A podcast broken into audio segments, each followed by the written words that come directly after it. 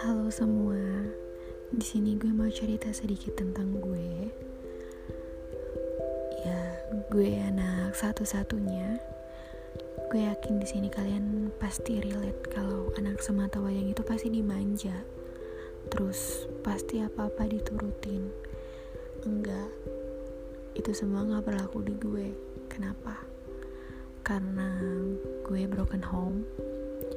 Jadi dari kecil itu gue udah lihat perlakuan bokap ke nyokap. Dan sampai pada titiknya di umur 14 tahun gue minta buat tinggal sama nenek gue.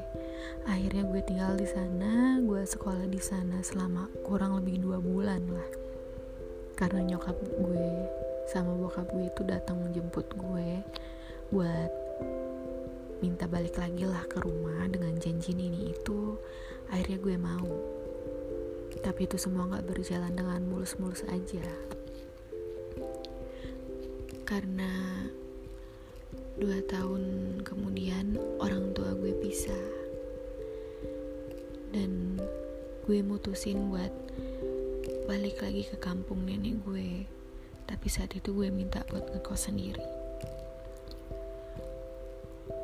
Di situ gue udah ngerasain aduh yang namanya sakit sendiri. Semua papa ngurus sendiri makan sendiri.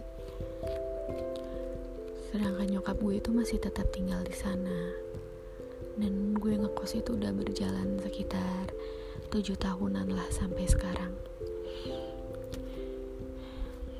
Ya teruntuk mama dan papa. Anak kalian sekarang sudah jadi orang yang mandiri kuat, dan pemberani. Aku selalu menyayangi dan merindukan kalian kapan pun.